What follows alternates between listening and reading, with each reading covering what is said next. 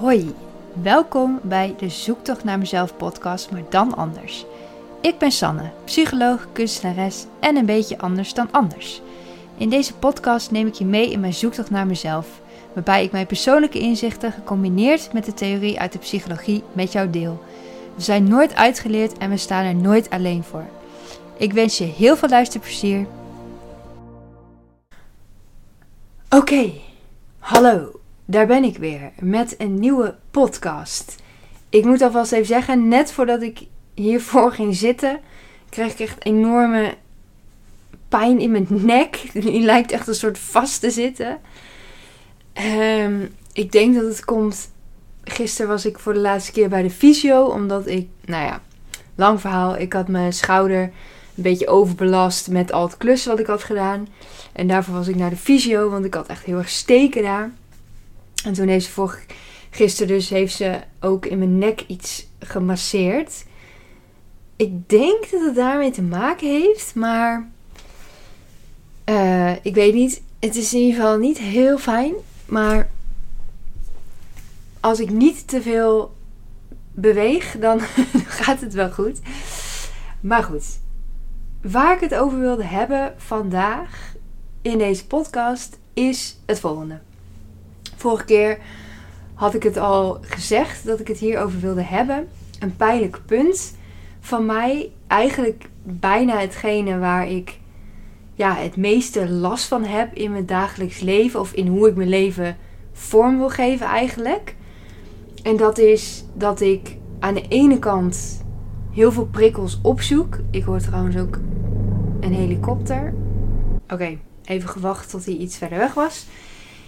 Aan de ene kant kan ik dus heel veel prikkels, of wil ik heel veel prikkels, heb heel veel prikkels nodig. En aan de andere kant is het ook dat ik dus heel, ja, heel weinig, of dat ik minder prikkels aan kan dan ik eigenlijk zou willen. En daar heb ik best wel, ja, dat is best wel een dilemma. Want ik zoek die prikkels dus op, maar aan de andere kant, ja, kan ik er dus ook niet goed genoeg mee omgaan naar mijn, hoe ik het graag zou willen. En dat is dus waar ik dus heel erg tegenaan loop. Ook met het zoeken naar werk. Nou, daar ga ik het straks over hebben. En ik zei het ook al volgens mij in de vorige podcast dat ik best wel veel sociale afspraken maak. En ik zat me dus af te vragen van waarom doe ik dit? Maar er is eigenlijk geen hele dieper liggende reden. Anders dan dat ik gewoon graag afspreek met mensen. En dat ik dus ook graag nieuwe dingen ontdek en nieuwe dingen doe. En in het laatste zit dus wel een tegenstrijdigheid. Want, nou ja, daar ga ik later ook verder op in. Omdat ik aan de andere kant vind ik het ook rete spannend om nieuwe dingen te doen. Maar toch doe ik het wel. Dus ja, dat is ook wel een beetje bijzonder. Maar ik spreek sowieso, als we het over sociale afspraken hebben, spreek ik sowieso al één dag in de week, één avond in de week af met mijn beste vriendin. De ene keer gaan we bij haar eten en de andere keer komt ze bij mij eten. Nou ja, dat is sowieso al elke week, soms om de week, maar nou, sowieso wel, sowieso om de week. Dus die heb ik al. En dan heb ik elke maandag loop ik een klompenpad. Dan ga ik, die heb je zeg maar verspreid ja, bij Gelderland en een beetje rondom ja, Gelderland een beetje heen. Heb je allemaal verschillende routes die je kunt lopen. En dan ga ik dus ja, elke maandag een andere route. Dus dan rijd ik daar naartoe. En nou, dat zijn ook best wel ja, andere prikkels die ik dan elke keer weer opzoek eigenlijk. En ik ben ook wel best wel, ja, voor sommige plekken moet ik best wel een eindje reizen. Dus ja, dat is soms ook best wel vermoeiend. Het zijn ook weer prikkels die ik dan, ja, mezelf aandoe, om het zo maar te zeggen. Vorige week ben ik uit eten geweest. En ik ben in het weekend nog een extra keer naar mijn beste vriendin geweest. Omdat er een rondwandeling was. Een kunstroute in haar dorp. Waarbij verschillende kunstenaars een tentoonstelling of hun werk tentoon hadden gesteld. En dan kon je dan langslopen. Nou, dat heb ik dus ook nog gedaan. Dus het was best wel veel voor mij. En ik had dus ook uh, vorige week had ik ook een moeheidsaanval. En zo noem ik dat. Heb ik soms wel eens dat ik dus ja, en ik weet nog steeds niet precies wat nou de aanleiding is. Dat is het dat ik te druk ben geweest? Of is het dat ik te veel in mijn hoofd zit? Want dat is ook wel een beetje het geval geweest de afgelopen weken eigenlijk. dat ik toch wel een beetje erg in mijn hoofd ben gegaan. Aan het nadenken en doen. Maar dan heb ik dus opeens dat ik echt zo moe ben. Echt zo moe. Dat ik gewoon niet. Ja, dan als het kan, dan ga ik gewoon echt op bed liggen. En dan lig ik ook echt twee, drie uur lig ik dan, eh, kan ik dan slapen. En, dan ben ik s'avonds ook nog steeds gewoon dat ik gewoon kan slapen. Niet dat ik dan om drie uur s'nachts pas uh, moe ben. Dus dan heb ik denk ik die slaap echt nodig. Ik weet niet hoe dat precies werkt, maar dan ben ik opeens zo moe. Dat is echt niet te omschrijven hoe dat voelt. Maar dat, ja, dat heb ik dus soms. Dus ik ben benieuwd of andere mensen dat ook herkennen. Die, uh, ja, die enorme. Dat je opeens geraakt wordt door zo'n moeheid. Wat je overspoelt. In ieder geval, zo voelt het echt voor mij. Ik voel het ook niet aankomen. Het is echt opeens dat ik denk van wow. Ik ben echt heel moe. En ik weet nog wel een keer dat ik op de ehm, universiteit was. Toen was ik aan het leren of zo. In in de piep ergens. Of in ieder geval in een ruimte waar je kon zitten en studeren. En toen weet ik nog wel dat ik toen echt zo moe ook was. Dan had ik echt zo'n aanval. En toen vocht ik er. Toen heb ik. Ja, je kan niet in een openbare plek. Ga je niet opeens. Nou, hè, rust allemaal. Dat kan natuurlijk niet. Dus toen ben ik wel, zeg maar, gaan vechten. Maar tegen de slaap. Maar ik weet nog wel dat ik dat echt. Uh, dat was echt een hel, ja, om wakker te blijven. En toen ben ik volgens mij ook wel redelijk snel weer terug naar huis gegaan. Want ja, ik trok het toen echt niet meer. Dat is echt wel. Ja, dat vind ik toch wel iets bijzonders. Maar ik ben dus benieuwd. Nou ja, met heel veel dingen ben je niet de enige. Dus er moeten mensen zijn die dit herkennen. Dus ik ben heel benieuwd. Maar wat ik dus wel toen ik aan het nadenken was, toen ik dus de podcast aan het voorbereiden was, was ik aan het nadenken van wat uh, zorgde dus voor, ook met die moeheidsaanval, maar dat was voordat ik naar die markt was geweest, of die, die kunstroute. Maar die kunstroute, dat vond ik echt heel vermoeiend. Dat had ik op een gegeven moment, toen ik thuis was, had ik zoiets van, nou, dit um, was ook wel genoeg geweest, zeg maar. Het is niet dat ik het had willen missen, maar aan de andere kant ook weer wel. Het was namelijk, ja, ik heb dus weer nagedacht over van, ja, hoe kan het dan dat dit dan weer zo vermoeiend is? Want afspreken met die beste vriendin van mij, dat is wel iets minder vermoeiend. Misschien ook omdat ik haar best wel goed ken. En ja, bij haar kan ik ook echt mezelf zijn. Maar op zo'n kunstroute en in zo'n klein dorp, zij woont in dat dorp. En zij kent dus wel mensen. Dus af en toe dan een praatje maken. Of met die kunstenaars. Dat je dan. Ehm, ja, ik ben dan wat dat betreft niet zo heel sociaal. Ik ben dan meer van, nou, laat me gewoon met rust. En ik kijk gewoon wel rond. En als ik echt iets wil zeggen of wil vragen, dan doe ik dat wel. Maar dat heb ik niet zo snel dat ik dat heb. Alleen er was dus één man die ging heel erg toen wij binnenkwamen, ging hij gelijk allemaal verhalen vertellen en allemaal andere dingen laten zien. En ja, dat vind ik zo vermoeiend. Ik denk van, laat mij gewoon met rust. Ik kijk zelf wel rond. Ik hoef al die verhalen niet. Ik hoef al die, weet je wel, want dan heb ik dus heel erg het gevoel dat ik moet aardig doen. Ik moet een beetje meelachen en mee van haha, ja, oh leuk, uh, bla bla bla. En dat voelt dan voor mij heel nep. En het is niet nep dat ik, ik ben niet totaal ongeïnteresseerd in, in wat hij maakt of zo. Maar ik heb wel voor mijn gevoel dat ik, ik weet niet zo goed hoe ik het moet zeggen. Ik merk ook dat ik heel vaak gevoel zeg. Opeens valt me dat op. Maar het is van ja, dat ik dus een soort, ja, dat ik weer dat masker moet opdoen. Dat ik een soort, ja, mezelf ga voordoen als iemand die wel heel geïnteresseerd is en die heel sociaal is en die heel leuk doet, terwijl ik daar op dat moment eigenlijk helemaal geen zin in heb. En dat is denk ik hetgeen wat het heel vermoeiend maakt voor mij. En die sociale praatjes, dat mijn beste vriendin dus praatjes ging maken met mensen. En dan sta ik daar een beetje bij en denk ik, ja, uh, wat, wat weet ik ook niet zo goed wat er van mij wordt verwacht op zo'n moment. En ik denk eigenlijk, ja, eigenlijk boeit het me gewoon niet. Ja, niet, weer niet lullig bedoeld, maar ja, ik, denk, ik ken die heel die mensen niet. Ik sta daar een beetje bij. Ja, ik vond dat, vind dat dan een beetje ongemakkelijk. Dus dat is hetgene wat dus, ja, wat, het, wat dat soort dingen voor mij heel vermoeiend maakt. Terwijl ja, ik dus wel inderdaad hou van nieuwe dingen doen. Zoals een klompenpad. Dat is ook iets nieuws. Maar daar kom je dus niet allemaal mensen tegen die hele verhalen tegen je gaan houden. Of nee, in ieder geval is me nog niet overkomen. Het kan natuurlijk ook altijd gebeuren. Maar ja, dat dus. En het is ook niet dat die vriendin van mij, dat zij, dat het door haar komt of zo. Want zij is gewoon normaal, sociaal. En, en met haar vind ik het ook hartstikke gezellig. Daar ligt het ook niet aan. Het is echt inderdaad die elke keer weer een nieuwe, een nieuw iemand. En dat je, ja, dat masker, dat is het eigenlijk vooral. En het is natuurlijk ook iets wat ik mezelf een soort van aandoe. Want ik hoef helemaal niet dat masker op te doen. Ik wil dat zelf, of in ieder geval, ik wil dat niet. Het gaat, het gaat vanzelf. Maar het is natuurlijk. Niemand zegt tegen mij dat ik, dat ik me op een bepaalde manier moet gedragen. Behalve natuurlijk als je echt, als je echt op een manier gedraagt die ja, botst met heel veel mensen. Ja, op een gegeven moment heb je dan niemand meer over om als sociale contacten. En dan mijt iedereen jou, omdat je bekend staat om de botte persoon. Maar ja, voordat je zo bekend gaat staan, dan moet je echt wel heel, heel, heel bot zijn. Wil je dat uh, bereiken? Dus dat is iets wat ook vooral ja, bij mij ligt.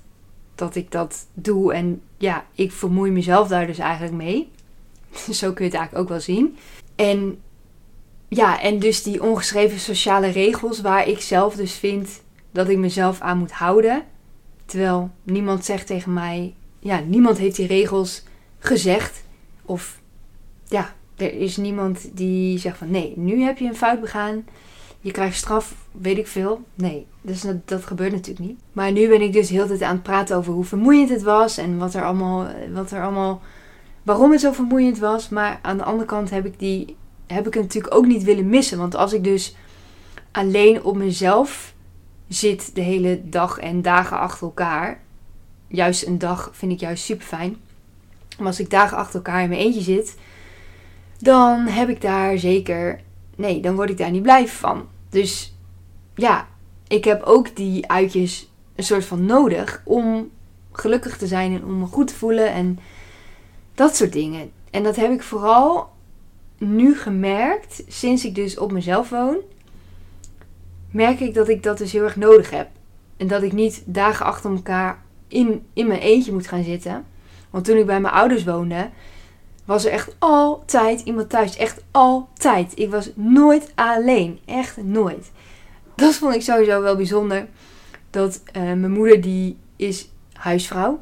Ja, en met corona ging ze natuurlijk ook niet heel veel weg. En sowieso zijn zij niet de mensen die heel veel, heel veel weggaan of weet ik veel. Nee, zo zijn ze eigenlijk niet. Mijn vader is altijd aan het werk, maar die is dan in het weekend of eigenlijk op zondag meestal wel thuis. En, maar er is dus, was dus altijd iemand. Dus het was nooit dat ik echt, echt de ruimte helemaal voor mezelf had. En dat, dat blijkt dus dat dat toch iets met mij deed. Want nu is het, nu ik op mezelf woon, is het echt zo anders. Ervaar ik zoveel rust. Want ook al kon ik mezelf heel erg terugtrekken, kon ik heel erg, want ik had gewoon mijn eigen kamers en ja, ik kon mezelf gewoon terugtrekken, dat ik gewoon alleen was. Alleen het idee dat er toch nog iemand in huis is en soms kwam mijn moeder wel eens naar boven van uh, had ze een vraag of uh, ging, ja, ging ze vragen of ik, of ik uh, met haar mee ging lunchen, weet ik veel wat. Of een andere vraag, noem maar wat. Maar dan word je toch een soort van weer ja, gestoord in je in je alleen zijn of zo. Dus het is toch een, het idee dat iemand anders nog, ja, nog ook in het huis is.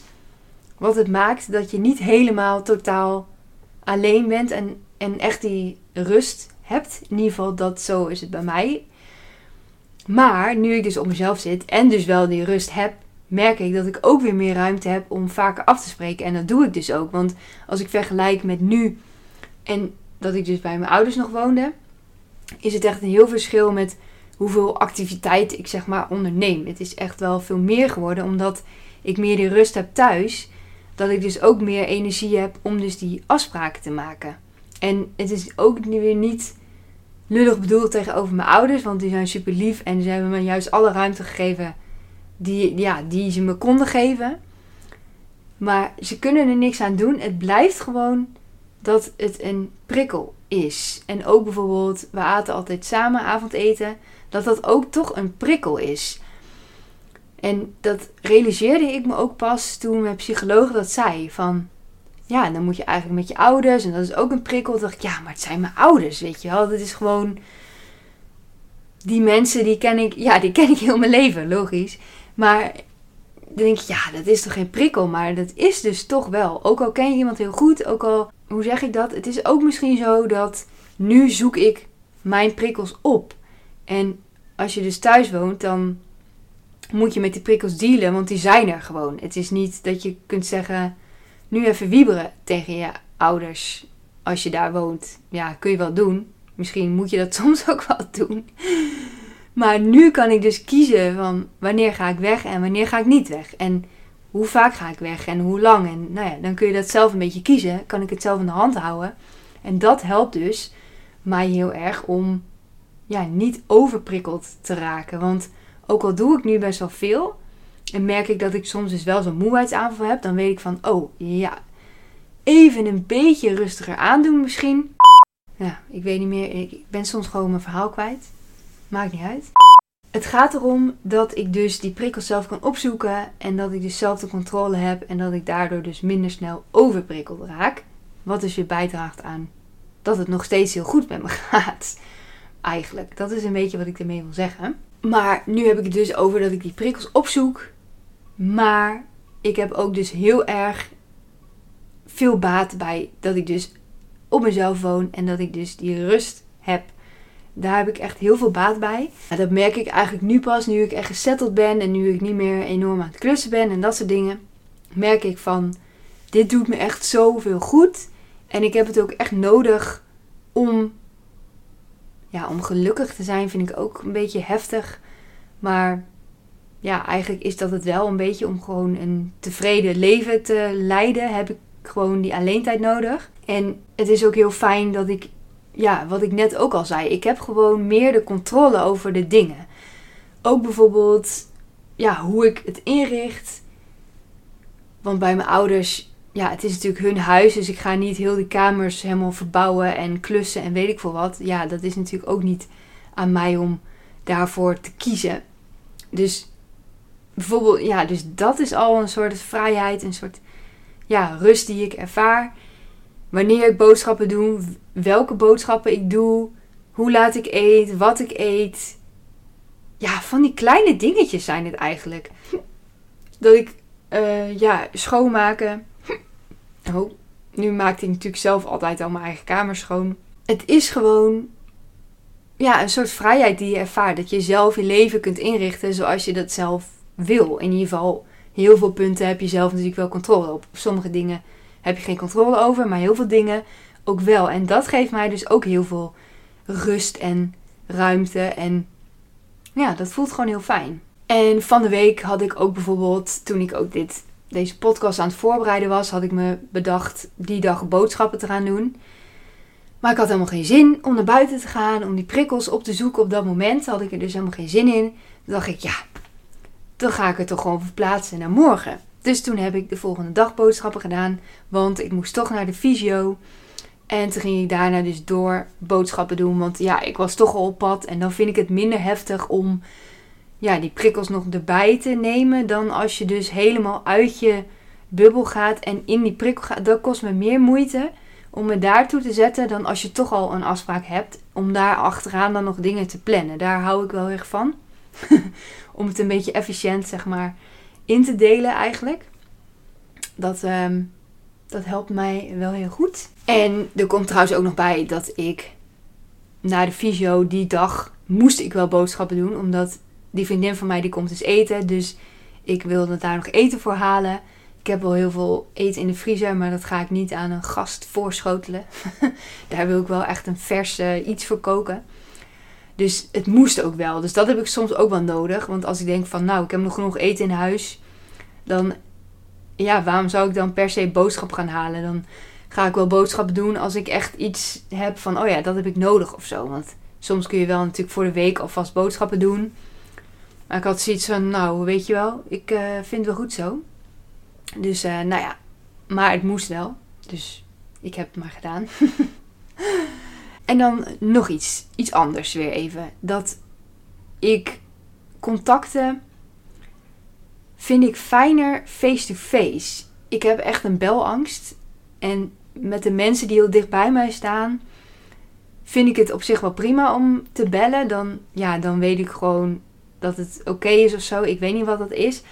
Maar met vreemde mensen of mensen die ik nog niet zo goed ken, bellen vind ik echt best wel een hel eigenlijk gewoon, om eh, eerlijk te zijn. Dan ga ik nog liever facetimen met iemand. Dan heb je toch een beeld erbij. En ik weet niet, dat vind ik gewoon echt veel fijner. Maar het liefst als ik echt een nieuw iemand ontmoet, of ja, een nieuw iemand, dan ga ik het liefst toch echt face-to-face afspreken.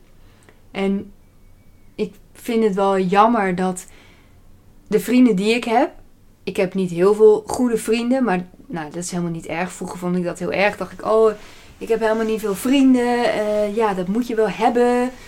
Nou, waarom? De een heeft een hele grote vriendengroep en de ander heeft gewoon een paar close uh, vrienden. Maakt helemaal niet uit. Is allemaal goed.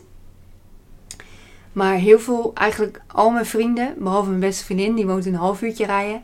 Die andere vrienden van mij, eentje woont een uur en een kwartier. De andere zelfs anderhalf uur ongeveer. Dan heb ik nog een nicht. Dan moet ik ook een uur en een kwartier, iets meer zelfs, uh, ja, reizen om daar te komen. Dus ja, dat is niet dat je dan eventjes daar langs gaat. Vooral niet s'avonds. Dan, ja, dan ga je natuurlijk niet, vooral zijn er mij als je dan gewerkt hebt. En dan, kijk, ik heb dan overdag, zou ik natuurlijk ook tijd hebben. Ik kan werken wanneer ik zelf wil. Maar niet iedereen heeft, ja, heeft die vrijheid en die keuze om dat te doen. Dus ja, dat is wel, dat vind ik dan wel jammer dat ik ze niet zo vaak face-to-face kan zien zoals ik zou willen. Maar ja, aan de andere kant is het dan ook wel toch een soort bescherming van mezelf. Dat ik dus niet te vaak echt dingen ga afspreken. Omdat ik weet dat het ook wel heftig kan zijn. En dat ik daarin soms. Ik zeg wel dat ik nu beter, omdat ik meer controle heb wanneer en ik zo ook afspreek. Dat ik minder snel overprikkeld ben. Maar ik heb nog steeds wel momenten dat ik wel echt te veel heb gedaan. Nu ga ik bijvoorbeeld naar die uh, markt.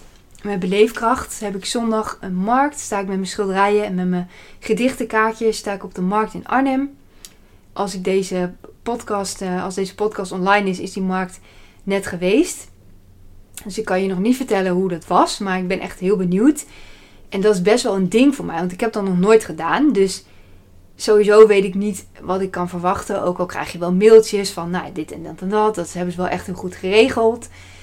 Maar ja, ik weet niet hoe het gaat zijn. Wat voor mensen komen er? Wat voor vragen krijg ik? Wat voor reacties krijg ik? Ik heb geen idee. En ik ben heel blij, echt heel blij, dat mijn moeder met me meegaat. Want ja, wat ik dus al zei, als ik dus naar zo'n kunstmarkt ga, is het dus echt heel vermoeiend. En ik ben dus blij dat mijn moeder meegaat, want die is wat dat betreft wel iets meer extravert uh, qua ja, sociale en praatjes maken met mensen en zo. Die legt wel heel snel contacten. Ik leg ook wel snel contacten, dat, dat wel. Alleen, mm, ik ben misschien wel iets meer kat uit de boom kijker. En iets minder echt die sociale praatjes. Ik ga dan inderdaad heel snel de diepte in en heel snel ja, van dat soort gesprekken. Waar niet altijd, denk ik, iedereen gelijk. Ja, dat is niet altijd. Ik voel wel aan wanneer dat kan dat dan wel. Het is niet zo dat ik gelijk hele diepe gesprekken ga en dat mensen dan afhaken. Dat heb ik niet gemerkt.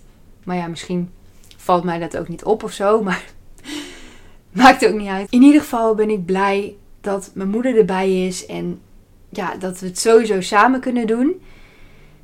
Dat sowieso. En dat ik, ja, dat ik dus zelf minder al die prikkels hoef op te vangen. Dat mijn moeder dat ook kan doen. Dus daar ben ik wel echt heel erg blij mee. En ik heb trouwens ook wel dat ook weer iets anders. Het is vandaag wel een beetje hak op de tak, maar op zich nog wel in dezelfde lijnen. Ik zei dat ik dus best wel ver moet reizen om mijn vrienden te zien. En wat ik daar vooral. Ik vind soms reizen best wel vermoeiend. Met de auto rijden vind ik fijner dan met de trein. Ook al is soms autorijden ook, ook wel weer vermoeiend, omdat je dan natuurlijk op de weg moet letten.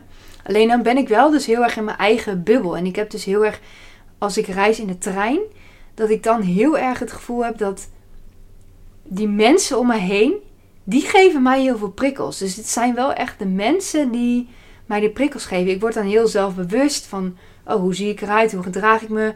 Ehm, ik, ik maak me dan bijvoorbeeld zelf zorgen over als ik een boek lees van, oh, wat zullen mensen ervan denken dat ik dit boek lees? Terwijl denk ik, ja, Sander, neem gewoon het boek mee wat je wil lezen en wat boeit het wat andere mensen ervan vinden.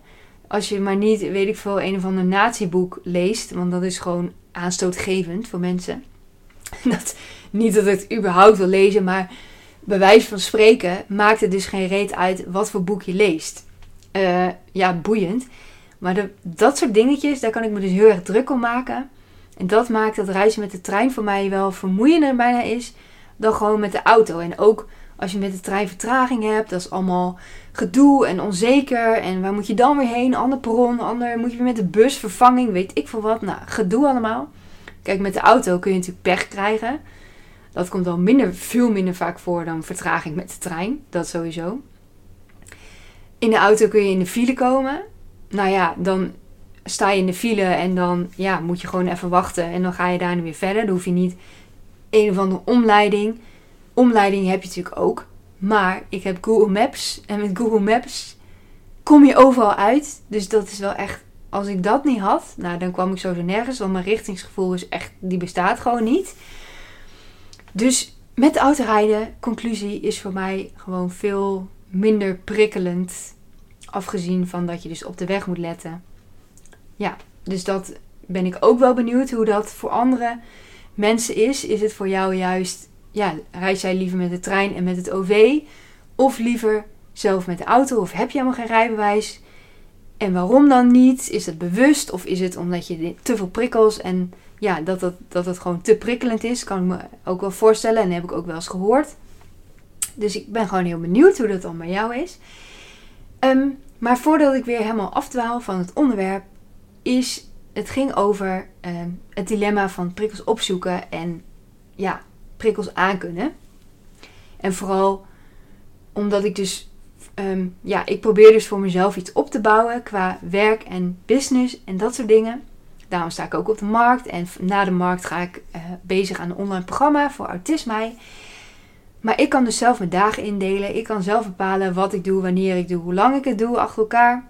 Ik hou heel vaak pauzes tussendoor, omdat ik, ja, dat heb ik gewoon echt nodig. Anders kan ik kan me eigenlijk maar best wel kort achter elkaar echt focussen eigenlijk. Alhoewel ik soms inderdaad zo'n hyperfocus heb, dat ik weer te lang achter elkaar. Maar meestal kan ik me heel kort focussen en heb ik heel veel pauzes nodig. Maar ik heb dus de vrijheid om er dus zelf in te delen. En als je dus een baan hebt in loondienst, dan heb je die vrijheid dus niet zo. Dus daar zit ik best wel met een dilemma van hoe kan ik nou een passende baan vinden waarbij ik wel dus heel erg veel vrijheid heb en ook op niveau kan werken. Um, maar waarbij ik dus niet te overvraagd word. Want als je dus op niveau werkt, dan worden er ook bepaalde dingen van je gevraagd. En heel veel, ja, dat soort dingen kan ik dus op de lange termijn niet aan. En het is niet zo dat ik niet geprobeerd heb om niet op mijn niveau te werken. Want dat heb ik zeker gedaan. En dat is ook niet goed uitgepakt. En dat heb ik meerdere keren gedaan. Dus het is niet zo dat ik een soort verwende. Ik ben sowieso verwend, dat ontken ik niet. Maar het is wel zo dat ik. Ik zeg niet. Het is niet dat ik niet wil. Dat is het. Het is dat ik op de lange termijn iets zoek waar ik mijn talenten in kan zetten en waar ik dus niet overprikkeld van raak, maar ook niet onderprikkeld van raak. En dat is juist het dilemma. Als ik gewoon iets kon doen wat gewoon, wat, wat niet heel boeiend is en wat ook niet op niveau is, als ik dat gewoon maar klakkeloos kon doen, dan had ik dat echt gedaan. Dan had ik dat echt gedaan. Maar ik word dus gewoon depressief. Dat is misschien een beetje, nou ja, als ik dat lang, lange termijn moet doen, dan word ik zeker depressief. Op de korte termijn merk ik dat ik, ja, heb ik dus bij andere banen gehad, dat ik een soort bore-out had. Dat ik echt onderprikkeld was en onderuitgedaagd. En ja, daar word ik ook gewoon doodongelukkig van. En dat is dus ook niet een duurzaam iets. En daar heeft niemand iets aan. Als ik uitval, weer duizend stappen terug. Ja, daar heb je ook niks aan. Dus ik vind het heel vervelend als mensen mij zien als een niksnut die niks wil. Omdat het echt het totaal tegenovergestelde is van mij. Omdat ik hou mezelf sowieso bezig met allerlei projecten. Het is niet dat ik niks aan het doen ben. Het is alleen dat je zoiets opbouwt en dat je niet direct ja, uh, kan cashen met geld. Dat gaat gewoon niet zo. En ja, ik vind het gewoon. Ja, toch voel ik mezelf dat ik me hierover moet verantwoorden. En ook al hoor ik van heel veel mensen van ja, je hoeft je niet te verantwoorden. En toch voel ik me schuldig dat ik niet mijn eigen geld verdien. En ja, dat is ook iets waar ik zelf aan moet werken. En het is ook, ik ben er ook mee aan het werk. Ik ben ook aan het solliciteren en uh, doen. Dus het is niet uh, dat ik er geen werk van maak. Ik heb wel tijdens en zeg maar met mijn verhuizing en met het klussen heb ik dat even helemaal naast me neergelegd. Dan kan ik me focussen daarop. Uh, maar sinds kort ben ik dus wel weer aan het zoeken en aan het doen. Dus nou, dat wilde ik wel even, ook even meegeven. Ik weet niet, ja. Voelt ook niet goed om het te verantwoorden, maar het voelt me ook niet goed om er niks over te zeggen. En ik geloof ook wel echt dat er werk is voor mij waar ik, ja, waar ik echt een toevoeging kan zijn aan een bedrijf en aan een organisatie en aan een team. Ik weet gewoon dat ik het kan en daar ga ik volgende keer over hebben. Dat ik heel erg mezelf heb onderschat de afgelopen jaren. En dat ik nu aan het beseffen ben, ja, wat ook de diagnose met mij heeft gedaan in het begin. En uh, hoe ik er nu voor sta, daar ga ik het volgende keer over hebben. Maar ja, het blijft voor mij dus altijd een soort zoektocht tussen prikkels opzoeken en prikkels krijgen in mijn werk, maar ook dus in mijn privéleven. Ja, dat blijft een soort dilemma van hoe ga ik dit zo met elkaar combineren dat ik, ja, dat ik wel dus financieel onafhankelijkheid kan krijgen. En dat ik dus wel ja, tevreden kan leven zonder te veel overprikkeling. Want die overprikkeling gaat sowieso voorkomen. Dat, dat blijft gewoon. Maar hoe kan ik dat... Ja, soms denk ik, gaat het ooit nog wel goed komen? Maar ik wilde daarmee afsluiten. Het komt altijd goed. Op de een of andere manier komt het altijd goed. Daar geloof ik echt in. En dat vind ik ook een mooie eindboodschap voor deze podcast. Dan wil ik je weer bedanken voor het luisteren of kijken. Ik hoop dat het fijn was om naar te luisteren of dat je er iets aan hebt gehad. Dat, er, dat je inzicht hebt opgedaan. En dat het te volgen was. Dat hoop ik vooral. Ik ben benieuwd naar jouw reactie. En tot de volgende keer. Dankjewel. Doei!